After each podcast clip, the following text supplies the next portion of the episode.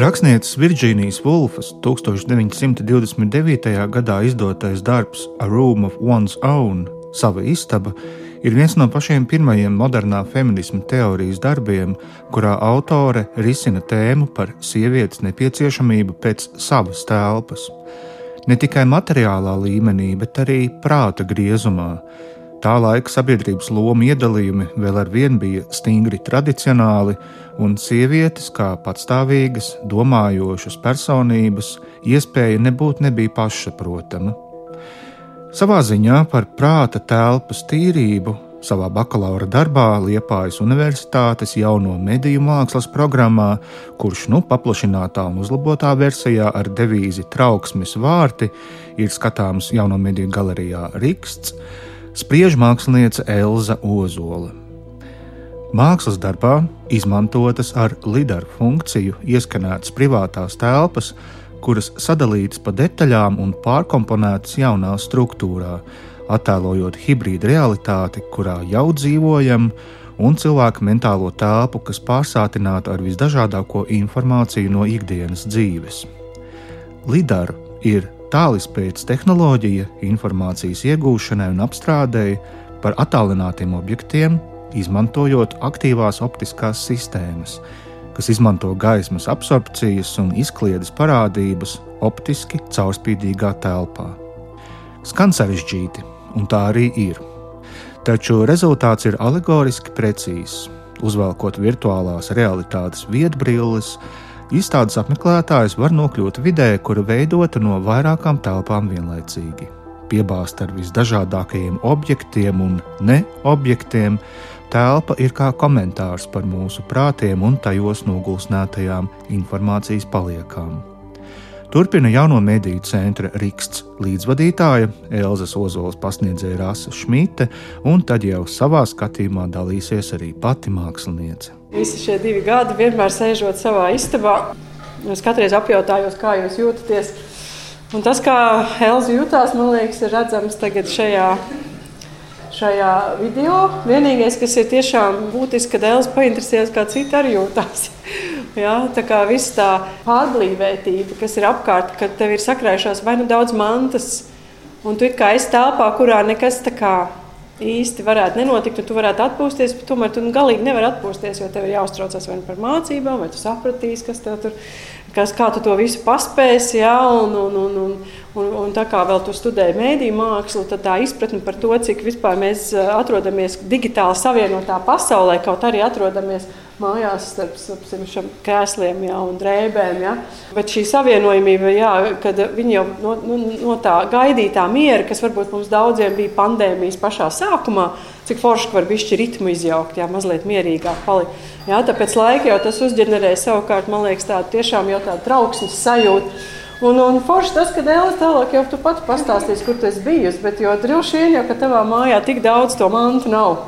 Jā, nu, uh... Man ir milzīgs prieks un pateicība visiem, kas ir klātesoši, un arī visiem tiem, kas ir piedalījušies šī darba izveidē. Es pandēmijas laikā, kā jau Rasta teica, man sanāca visvairāk studēt. Šajā laika posmā, kad es biju atrauta no visas satikšanās ar kursu biedriem vai vispār jebkādiem cilvēkiem. Un uh, tad arī šis, ka es varēju aizbraukt ciemos pie citiem saviem draugiem vai radiniekiem un ieskanēt viņu privātās telpas.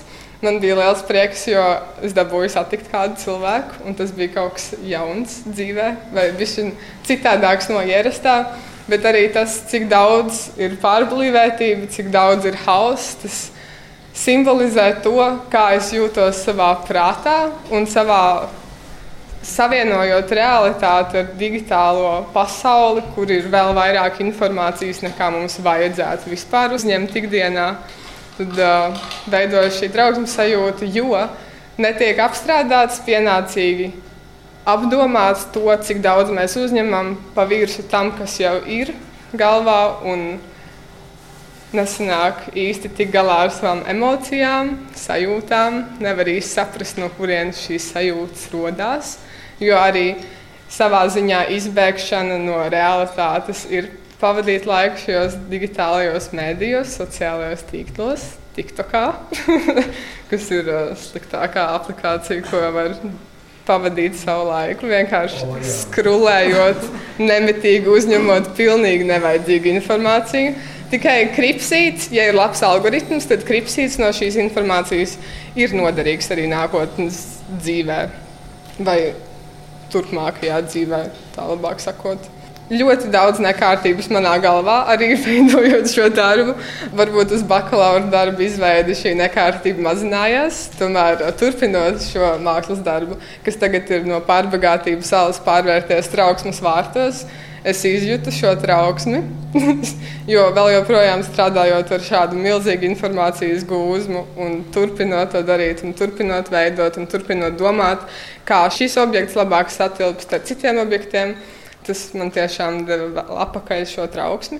Tajā pašā laikā lika apdomāties par to vēl vairāk, apstāties un apdomāties, kādu informāciju es uzņemu, cik daudz no tās būs nepieciešams, vai kādā iemeslā es izmantoju šos mēdījus, vai es mēģinu no kaut kā izbēgt, vai es mēģinu labāk sevi izprast, vai es cenšos sev palīdzēt. Tādi daudz jautājumi, un to var atbildēt droši vien tikai apstājoties un padomājot, nevis turpinot skrūlēt TikToku. dzīve. Es tā ļoti praktiski varu pabeigt, kad um, mēs šajā informācijas bagātībā pievienojam parasti arī savējo.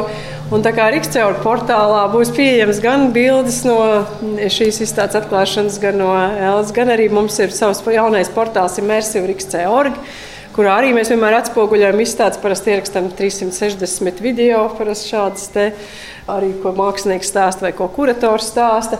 Tā kā nu, jā, Rīgstē jau ilgstoši mēģina arī nodrošināt šo saturu, būt daļiņa no šī lielā jūkļa tajā digitālajā pasaulē. Jā, arī tur mēs mēģināsim uztaisīt, lai arī kaut kas paliek no šīs tavas, tavas izstādes. Un, Cik tev tur ir jā. draugiem, draugu telpas tajā?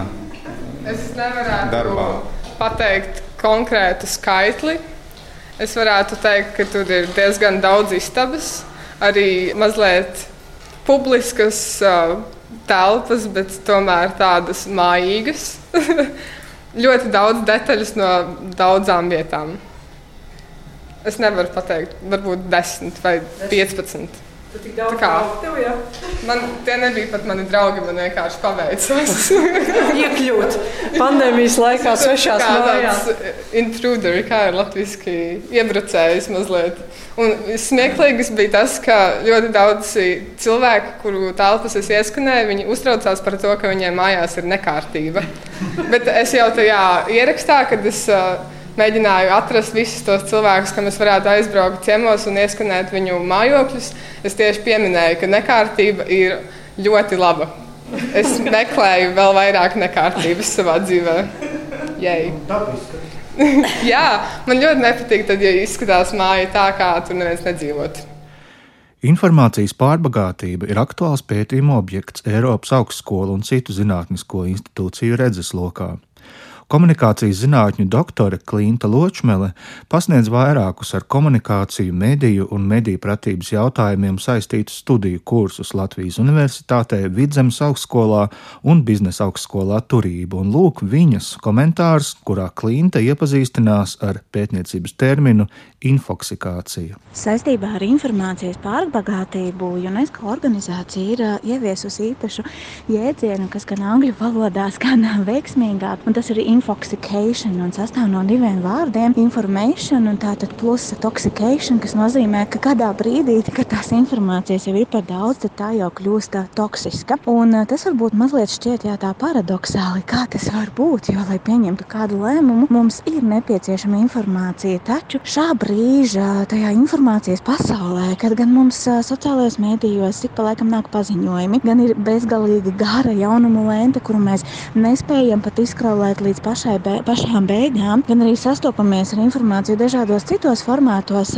kādā brīdī, tad, kad tā informācijas jā, jau mums ir pa daudz, mēs no tās nogurstam tik ļoti, ka vairs neesam spējīgi nekritiski izvērtēt, ne arī pieņemt tādu faktos balstītu pamatotu lēmumu. Un, kāpēc par šo informāciju, par šo fenomenu, kā tādu informācijas pārbagātību ir tik būtiski runāt ne tikai saistībā ar tādu digitālo labklājību, arī mentālo veselību, kā mēs spējam apstrādāt tik lielu informācijas daudzumu, bet arī no tāda tīra mediju pratības aspekta šo informācijas pārbagātību mēs varam uzlūkot arī kā vienu no iemesliem un cēloņiem, kā labu cilvēku mēdz arī noticēt dezinformācijai. Jo tajā brīdī, kad esam noguruši no informācijas, kad tās ir par daudz, kad informācijas apjoms pārsniedz mūsu prātā kapacitāti un vispār iespējas to apstrādāt, tad arī ir daudz vieglāk, ka mēs noticam, ka mūs uzrunā saturs, kas pēc būtības nav patiesas, kas varbūt ir manipulatīvs vai